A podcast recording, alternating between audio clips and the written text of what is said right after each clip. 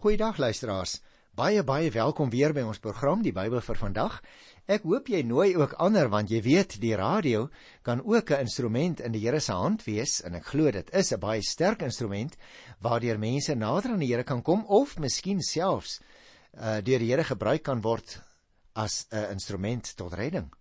Daarom wil ek vra dat jy ook mense sal nooi en hulle die tyd sal gee van ons program, maar dat jy ook asseblief vir al die werkgewers hier by Transwêreld Radio wat die program opneem en verpak en vir my wat dit aanbied dat julle vir ons sal bid dat die Here regtig deur sy gees ook tydens die produksie van die programme vir ons almal in sy hand sal hou.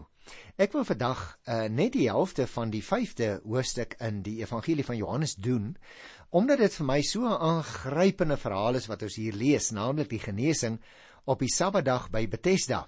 Ek gaan dit eers versie vir versie met jou behandel luisteraars en dan uh, gaan ek uh, so 'n bietjie meer daaroor gesels net toepas op ons eie lewens. Miskien net 'n inleiding hierdie opmerking want jy sien in hoofstuk uh, 5 tot by hoofstuk 10 word die Jesus gebeure rondom die Joodse feeste vertel. Alle manlike Jode sal jy natuurlik weet, uh, het die drie groot feeste in Jerusalem gaan bywoon. Dit was uh, eerstens die Paasfees, en dan ook die uh, ongesuurde brode is dit soms genoem. Tweedens was dit die fees van die weke of soos dit ook genoem is, die Pinksterfees en dan derdens die Loofhuttefees. Nou uh, het ons hier 'n uh, juis so gebeure wat ook ingekleur word en vertel word rondom een van daardie groot feeste in Jerusalem, naamlik die genesing op die Sabbatdag by Bethesda. In Galilea sal jy nog onthou het die Here Jesus wondertekens en woorde van geloof uitgelok by mense en in Jerusalem waar die toneel nou heen verskuiwe, het hy vel teenstand gekry teen die Joodse godsdienstige leiers. Maar kom ons begin dan met hierdie gebeure juis daar by die bad van Bethesda in Jerusalem. Hierna was daar weer 'n fees van die Jode en Jesus het daarvoor Jerusalem toe gegaan. By die skaappoort in Jerusalem was daar 'n bad met die Hebreëse naam Bethesda. Dit het 5 pilaargange gehad waar daar baie gestremdes gelê het, blindes en kreupeles en lammes. Nou die konflik word dadelik begin en dit begin oplaai in hierdie vertelling soos dit blyk uit die genesing wat nou gaan volg. Onthou die fees van die Jode waarvoor die Here Jesus na Jerusalem toe gaan, is heel waarskynlik die Paasfees. Ek het nou vir jou die ander twee grootes genoem, maar dit gaan hier waarskynlik oor die Paasfees. En ek het ook nou nou vir jou gesê as manlike lid van die Joodse volk woon die Here Jesus self dan ook die Paasfees baie getrou by elke jaar. In die oostelike deel van die stadsmuur noord van die tempel was die skaappoort daar aan die Kedronvallei kant, die van julle wat al in Jerusalem was. En daar was 'n bad, lees ons nou in die tweede vers, onder die volk bekend as Bethesda, met 5 gange tussen pilare deur. Die derde vers het vir ons vertel in die gange het daar baie gestremde mense rondgelê, blindes en kreupeles en selfs ook lammes. Met tussenposes het die natuurlike fontein wat die bad gevoed het, opgeborrel. En dit het 'n roering in die water veroorsaak.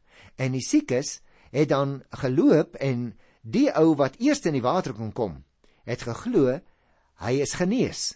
So daardie volksgeloof het onder die mense posgevat en baie mense het daarin natuurlik gekom.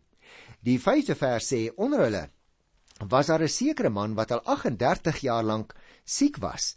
Jesus het hom sien lê en hy het geweet dat hy al baie lank siek was. Toe sê hy vir hom: "Wil jy gesond word?" Nou dis my baie interessant luisteraars dat een van die siekes was dan iemand wat aan verlamming gely het, maar wat my opval is 38 jaar lank het hy daaraan gely. En sy hopelose toestand uh blyk juis uit vers 6 dat die Here Jesus nie onbekend daarmee was nie. Dit beklemtoon juis my ook die grootheid van hierdie wonderteken. Jesus neem dan die inisiatief deur te vra of hy gesond wil word deur Jesus luisteraars kyk na die hart van hierdie man nie in die eerste plek na sy siekte nie vir hierdie arme man het niemand nog ooit gehelp nie en hy het geen hoop meer gekoester dat enige iemand hom ooit gaan help nie God het egter die haaglikse omstandighede van mense in gedagte wanneer hy ingryp. En omstandighede sit hom nie af nie, want hy kan alles verander.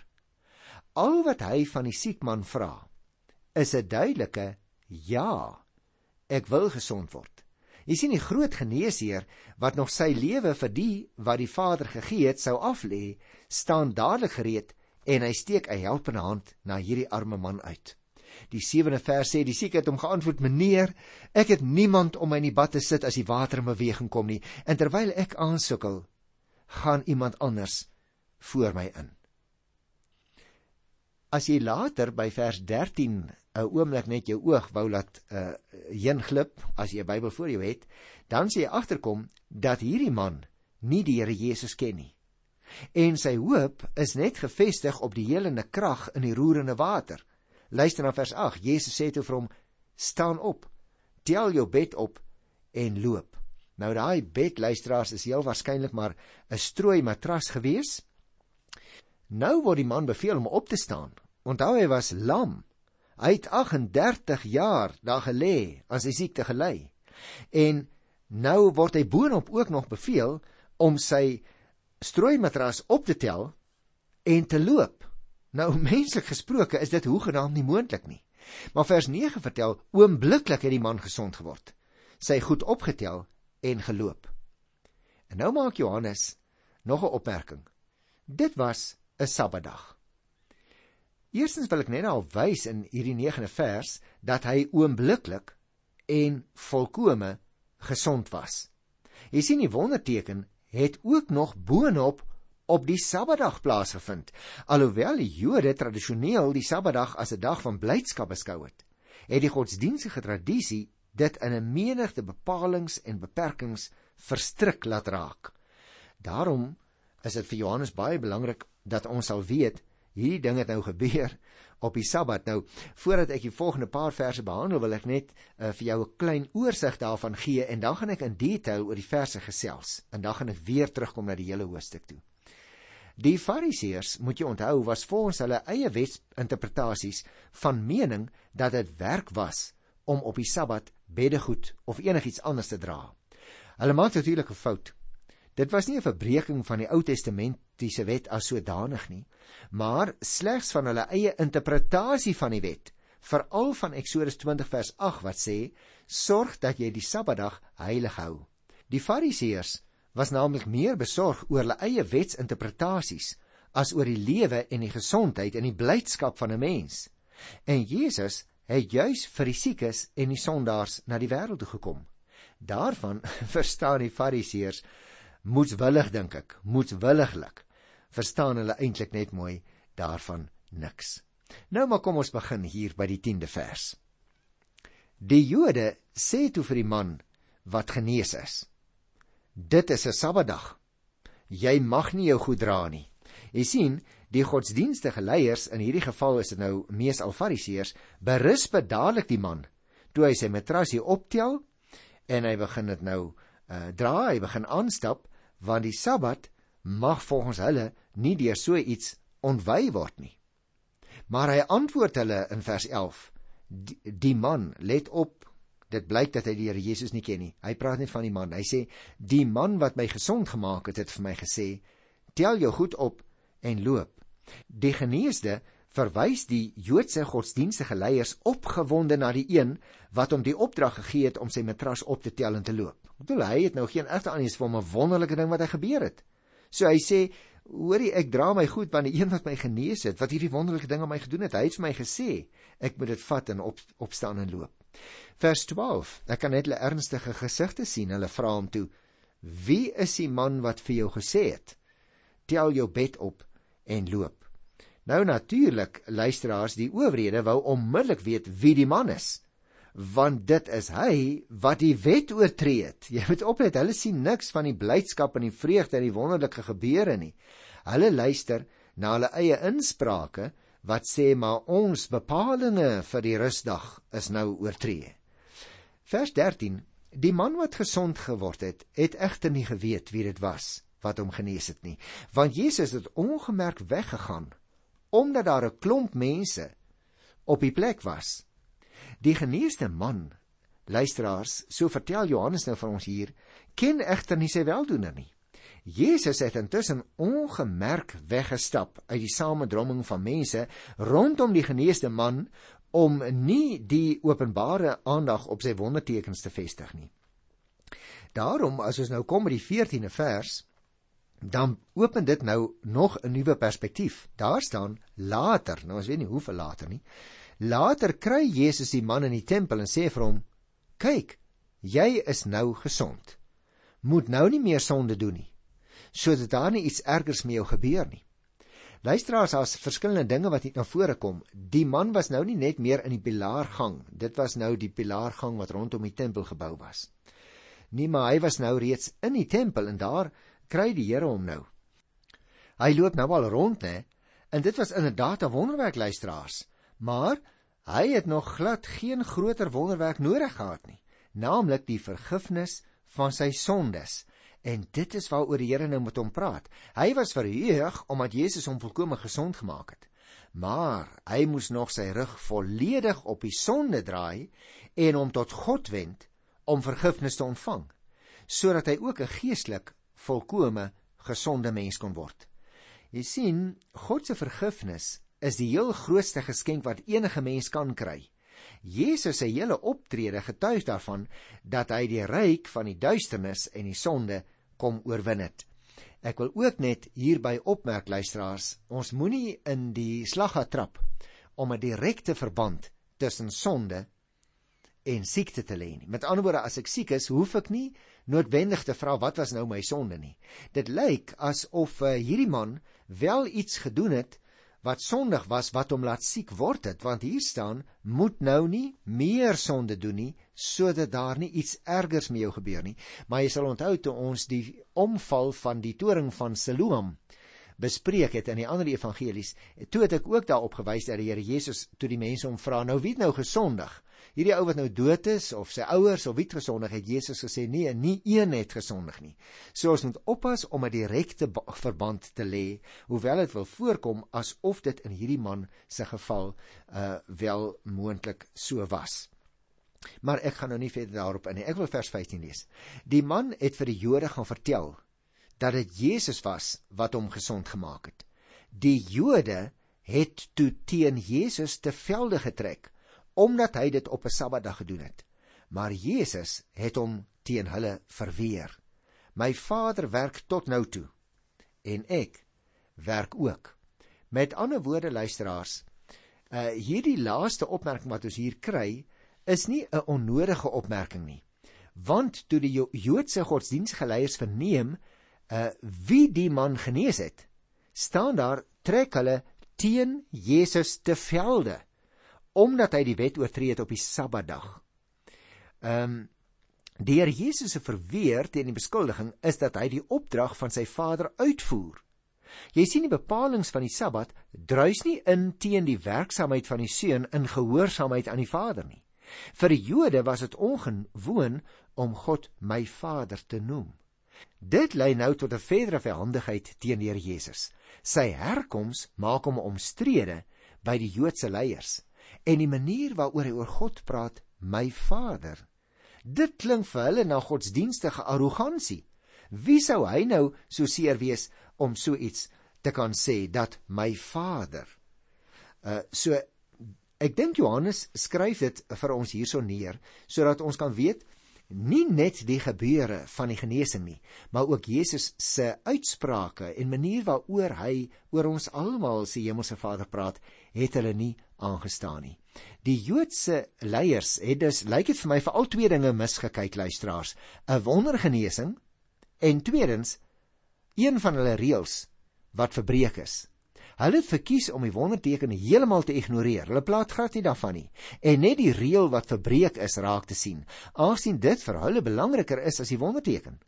Die Here Jesus het die siek man fisies genees, maar ook geestelik op 'n nuwe pad geplaas. En daarom gaan ek nou nou verder met jou daaroor praat. Hy is fisies en geestelik op die been gebring hierdie man. Ek het nou twee keer al vir jou gesê ek wil graag so 'n bietjie oor die praktiese implikasies van hierdie gedeelte gesels, luisteraars, en ek wil nie regtig vir julle preek nie, maar ek wil op 'n praktiese manier probeer om hierdie prentjie te teken. Ek wil begin deur vir jou te sê in die jaar 1888 was daar 'n paar uh, argeoloë besig met opgrawingswerk in Jerusalem, daar in die gebied van die ou stad. Jy weet, die ou stad van Jerusalem is deur 'n muur omring en binne die mure van daardie stad is daar nou baie ou geboue en dis baie moeilik om daar opgrawings te doen, maar hulle het in 88 1888 agter wat ons vandag noem die Church of St Anne opgrawings gedoen baie lank storie baie kort te maak. Hulle het tydens hierdie opgrawingsklippe gekry wat vir hulle gelyk het soos die boonste gedeelte, mens noem dit die kapiteel. Daardie boonste stukkie van die pilaar wat gewoonlik versier was en wat dan net onder die plafon van 'n pilaar gedruk het. Hulle het so 'n klip gekry en dit begin oopgrawe en dieper en dieper en uiteindelik het hulle in daardie tyd is die mate nou anders gewees 80 voet diep gegrawe. En daar kry hulle toe 'n hele paar van hierdie pilare wat omlê in wat eintlik vir hulle na 'n swembad gelyk het. En 'n lang storie kort te maak, hulle het baie gou ontdek dit is die bad van Bethesda en ek wil tussen hakies vir julle sê dit is een van die min autentieke plekke wat 'n mens kan gaan kyk as jy daar in Jerusalem kom. Die bad van Bethesda van Johannes 5. Tussen hakies Bethesda beteken in Hebreëse taal huis van barmhartigheid. En die skaappoort waarvan ons ook in ons gedeelte gelees het, was natuurlik uh, aan die ooste kant van Jerusalem. Die offerdiere het deur hierdie poort die stad binne gekom want die tempel was daar naby. En daarom kan ons, lyk dit vir my luisteraars, hierdie plek eintlik noem 'n hospitaal of 'n gesondheidsspa. Kyk na al die blindes en die kreuples en die lammes wat daar rond lê tussen die pilare eintlik die kroniese afdeling sou ek wou sê. Want dit is die stukkende mense, die werklik hopelose gevalle in moderne taal. En daarom kan 'n mens jou baie goed voorstel hoe dit moes gelyk het op die oggend toe die Here Jesus daar aandoen. Of dit werklik 'n engel was wat die water geroer het en of dit opborrelende geneesende fonteinwater was, dit weet ons nie. Maar ek het net net vir jou gesê, ons aanvaar vandag maar algemeen dat dit deel was van die volksgeloof wat ontstaan het omdat die borrels van die fontein wat onder die dam was, uh die water uh, laat roer het, laat beweeg het en en sommige van die mense in daardie tyd het gedink 'n engel wat die water roer. Nou daarom oor die genesende krag laat die Here Jesus hom glad nie uit nie. Die feit bly dat Christus hier aandoen op pad na 'n fees en ek het vir julle gesê heel waarskynlik die Paasfees. En tussen die skare noodlydende mense merk hy een enkele man op. Die aard van sy siekte word ons nie vertel nie. Alleen gesê dat hy verlam was en dat hy 38 jaar daaraan gelei het. Dit word ook nie gesê hoeveel van die 38 jaar hy daar lê of hoe die Here Jesus van sy siekte gehoor het nie of iemand dit vir Jesus gesê het of hy dit gekry het deur openbaring of hy dit vanweë sy goddelike natuur geweet het dit word ons nie gesê nie maar een ding is seker luisteraars Jesus merk die man op tussen al die ander. En daarom sy vraag in vers 6: Wil jy gesond word? Here, hoor ek hierdie man antwoord in die vers: Ek het niemand om my in die bad te sit as die water in beweging kom nie. Jo, luisteraars, kan dit wees dat daar in al die jare nooit enige iemand was wat hom oor hierdie arme man ontferm het nie, hom in die water wou stoot wanneer die water in beweging kom nie, of Dis die ander moontlikheid. Wil die Here Jesus hom dalk maar net toets of hierdie man nog hoegenaamd daarin belangstel om gesond te word? Want hier geld die Heer die reël skynbaar elkeen vir homself. Die sterke kan oorwin en die ander ou moet maar ondergaan. Maar wanneer die vriend van die eensames hom beveel om op te staan en te loop, dan word die onmoontlike moontlik. Dan neem hy die matras wat hom vir lank moes dra en hy stap daar volkome genees mee weg onder sy arm. Luisteraars, ek wil graag so baie kortliks hierdie prentjie wat die Bybel vir ons teken in twee gesigshoeke uiteen laat val. Want ons het eerstens te maak met 'n baie stukkende mens en tweedens die timmerman van Nasaret. Kom ons kyk weer 'n bietjie. Ons trek die kamera se fokus in eerstens op hierdie stukkende mens. Ek dink luisteraar, ons kan met goeie reg hierdie man in Johannes 5 beskryf as 'n stukkende mens. Om die waarheid te sê, daar's baie goeie redes om elkeen wat lewe te beskryf as 'n stukkende mens. Die Bybel sê alle mense is onvolmaak, hulle is stukkend vanweë die sonde waarin hulle ontvange gebore is, die sogenaamde erfsonde. Maar mense is tweedens natuurlik ook stukkend vanweë verwording en omstandighede in die wêreld. Hulle eie lewens, dit die dinge wat ons doen elke dag. Nou sou ek vir jou kon sê, Jesus staan voor jou en my en hy vra of ons gesond wil word. En dit sou seker volkome Bybels en waar wees want hy is deur sy gees aanwesig. Dit is so na 2000 jaar nog. Dit sou ook reg wees om te sê dit maak nie saak hoe lank jou siekbed of jou eensaamheid dalk duur nie. Die uitnodiging geld nog altyd.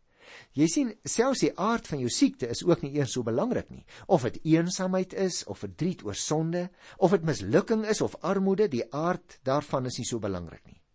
Ag natuurlik, hierdie man alleen ken werklik die pyn en die hartseer van sy eie lewe. Jy ook weet miskien van baie jare van swaar kry in jou eie lewe. Miskien baie druk. Druk wat 'n mens uh, so pers en pers dat jy nou voel jy wil doodgaan. Jy kan my dalk alleen vertel van donker ure, groot eensaamheid toe niemand wou help nie, donker nagte wat jy deur geworstel het. Here, ek het niemand was dalk ook al waar in jou eie lewe. Maar meer nog, wie hy die Bybel leer vir ons dat alle mense sondaars is, siek mense, kroniese siek mense. Vanweë die sonde is ons lus om gesond te word eintlik baie skraal en die siekbed en die eensaamheid, dit word altyd sterker. Die alleenheid altyd groter. Die kloof tussen ander mense en myself, die kloof tussen God en die mens word juis vanweë erfsonde en daaglikse verwording altyd groter. Daarom is die aard van die siekte nie so belangrik nie. Want 'n mens kan siek wees luisteraars al is jy liggaamlik fiks. Jou hart kan skeur. Al lyk dit asof die klere wat jy aan het vrolik is. Miskien is dit vandag met jou so. Jy sal dit weet. Maar nog meer. Hierdie onvrede met God in die naaste bestaan volgens die Bybel van die dag af dat Adam en Eva die gebod van die Here oortree het. Maar luister nou. As 'n mens stukkend is, as jy in die kroniese afdeling hulpeloos en alleen oorgebly het, kyk die timmerman van Nasaret. En hier het ons die begin, dis die tweede aspek wat ek wil uitwys, die timmerman. Hier het ons die begin luisteraars van Jesus se stryd teen die Jode oor die Sabbat, 'n stryd wat sy lewe lank sou duur. En daarom soek hulle die man vir wat vir die geneesde gesê het neem jou bed op en loop. Daarom vra hulle na die oortreder van die gebod van Jeremia 17:21. Op die Sabbatdag mag jy geen las dra of enige werk doen nie. Nou vir so 'n oortreding het die rabbynse wet in die tyd van die Nuwe Testament selfs die doodstraf opgelê. En nou wil ek vir jou vra, luisteraar, hoeveel keer het die uitnodiging altyd tot jou gekom in jare wat verby is? In Pinkster, in jeugweke, in boodskappe? Hoeveel keer het jy al genade van die Here ontvang? En daarom is die vraag: wil jy gesond word? Dalk van groot belang vir jou en vir my. Was my disippelskap erns? Hoeveel keer het ek hom oorgelewer aan die wêreld wat eintlik wil hoor dat hy nie werklik die Christus is nie? Dat Jesus nie werklik gelewe het nie in ons tyd soms. Was daar 'n lied in my hart oor sy genesing in my lewe? Ek dink persoonlik die kerkvolk is dikwels baie sieker as wat ons besef. Want ons onthou ons mooi kerkkleertjies en ons reeltjies. Ons onthou ons fatsoenlikheid, wat hoort en wat nie. Maar ons vergeet ons hart self is aangetast deur ongehoorsaamheid en 'n gebrek aan barmhartigheid teenoor ander mense. Maar vir die Here Jesus was daar geen huis van barmhartigheid nie. Nee, vir hom en die Jode uiteindelik gaan vaslaan aan die kruis, want vir hulle gaan dit oor die wet in vers Wie is die man wat vir jou gesê het neem jou bed op en loop? Maar van die geneesde word gesê, hy het gegaan en aan die Jode vertel wie hom gesond gemaak het. Hy het gespring van blydskap en van vreugde. En luister as nou begin die prentjie iets wat anders lyk vir myself hoor. Nou kan 'n mens vra, wat het my verlossing in Christus prakties beteken gister en eergister? Want die Christus gelowige is vry van die wet. Ons kan vrolik wees elke dag van ons lewe. En daarom wil ek vers 6 vir myself herhaal. Toe Jesus hom sien, terwyl hy geweet het dat hy al 'n lang tyd siek was, sê hy vir hom: "Wil jy gesond word?" O, luisteraar, die timmerman van Nasaret kyk in ons lewens in of dit fisiese probleme is of dit geestelike siekte en traagheid is. Die vraag is of jy en ek nog wil verander. En daarom val die klem myns insiens ten slotte nie op die siekte of op die stukkende mens nie, want selfs die stukkende mens bly in die oog van die Here 'n sondaar sonder Christus. Nee. Nee, luister, die klem val op Jesus, die timmerman uit Nasaret. Hy is die weg en die waarheid en die lewe. Hy raak ons lewens aan om ons vir tyd en vir ewigheid te verander. Daarom wil ek jou nooi. Ondersoek jou eie lewe. Wil jy werklik gesond word en kom na die Here toe? Ek groet jou op hierdie uitnodigingspunt in die naam van die Here. Tot volgende keer. Tot dan. Totsiens.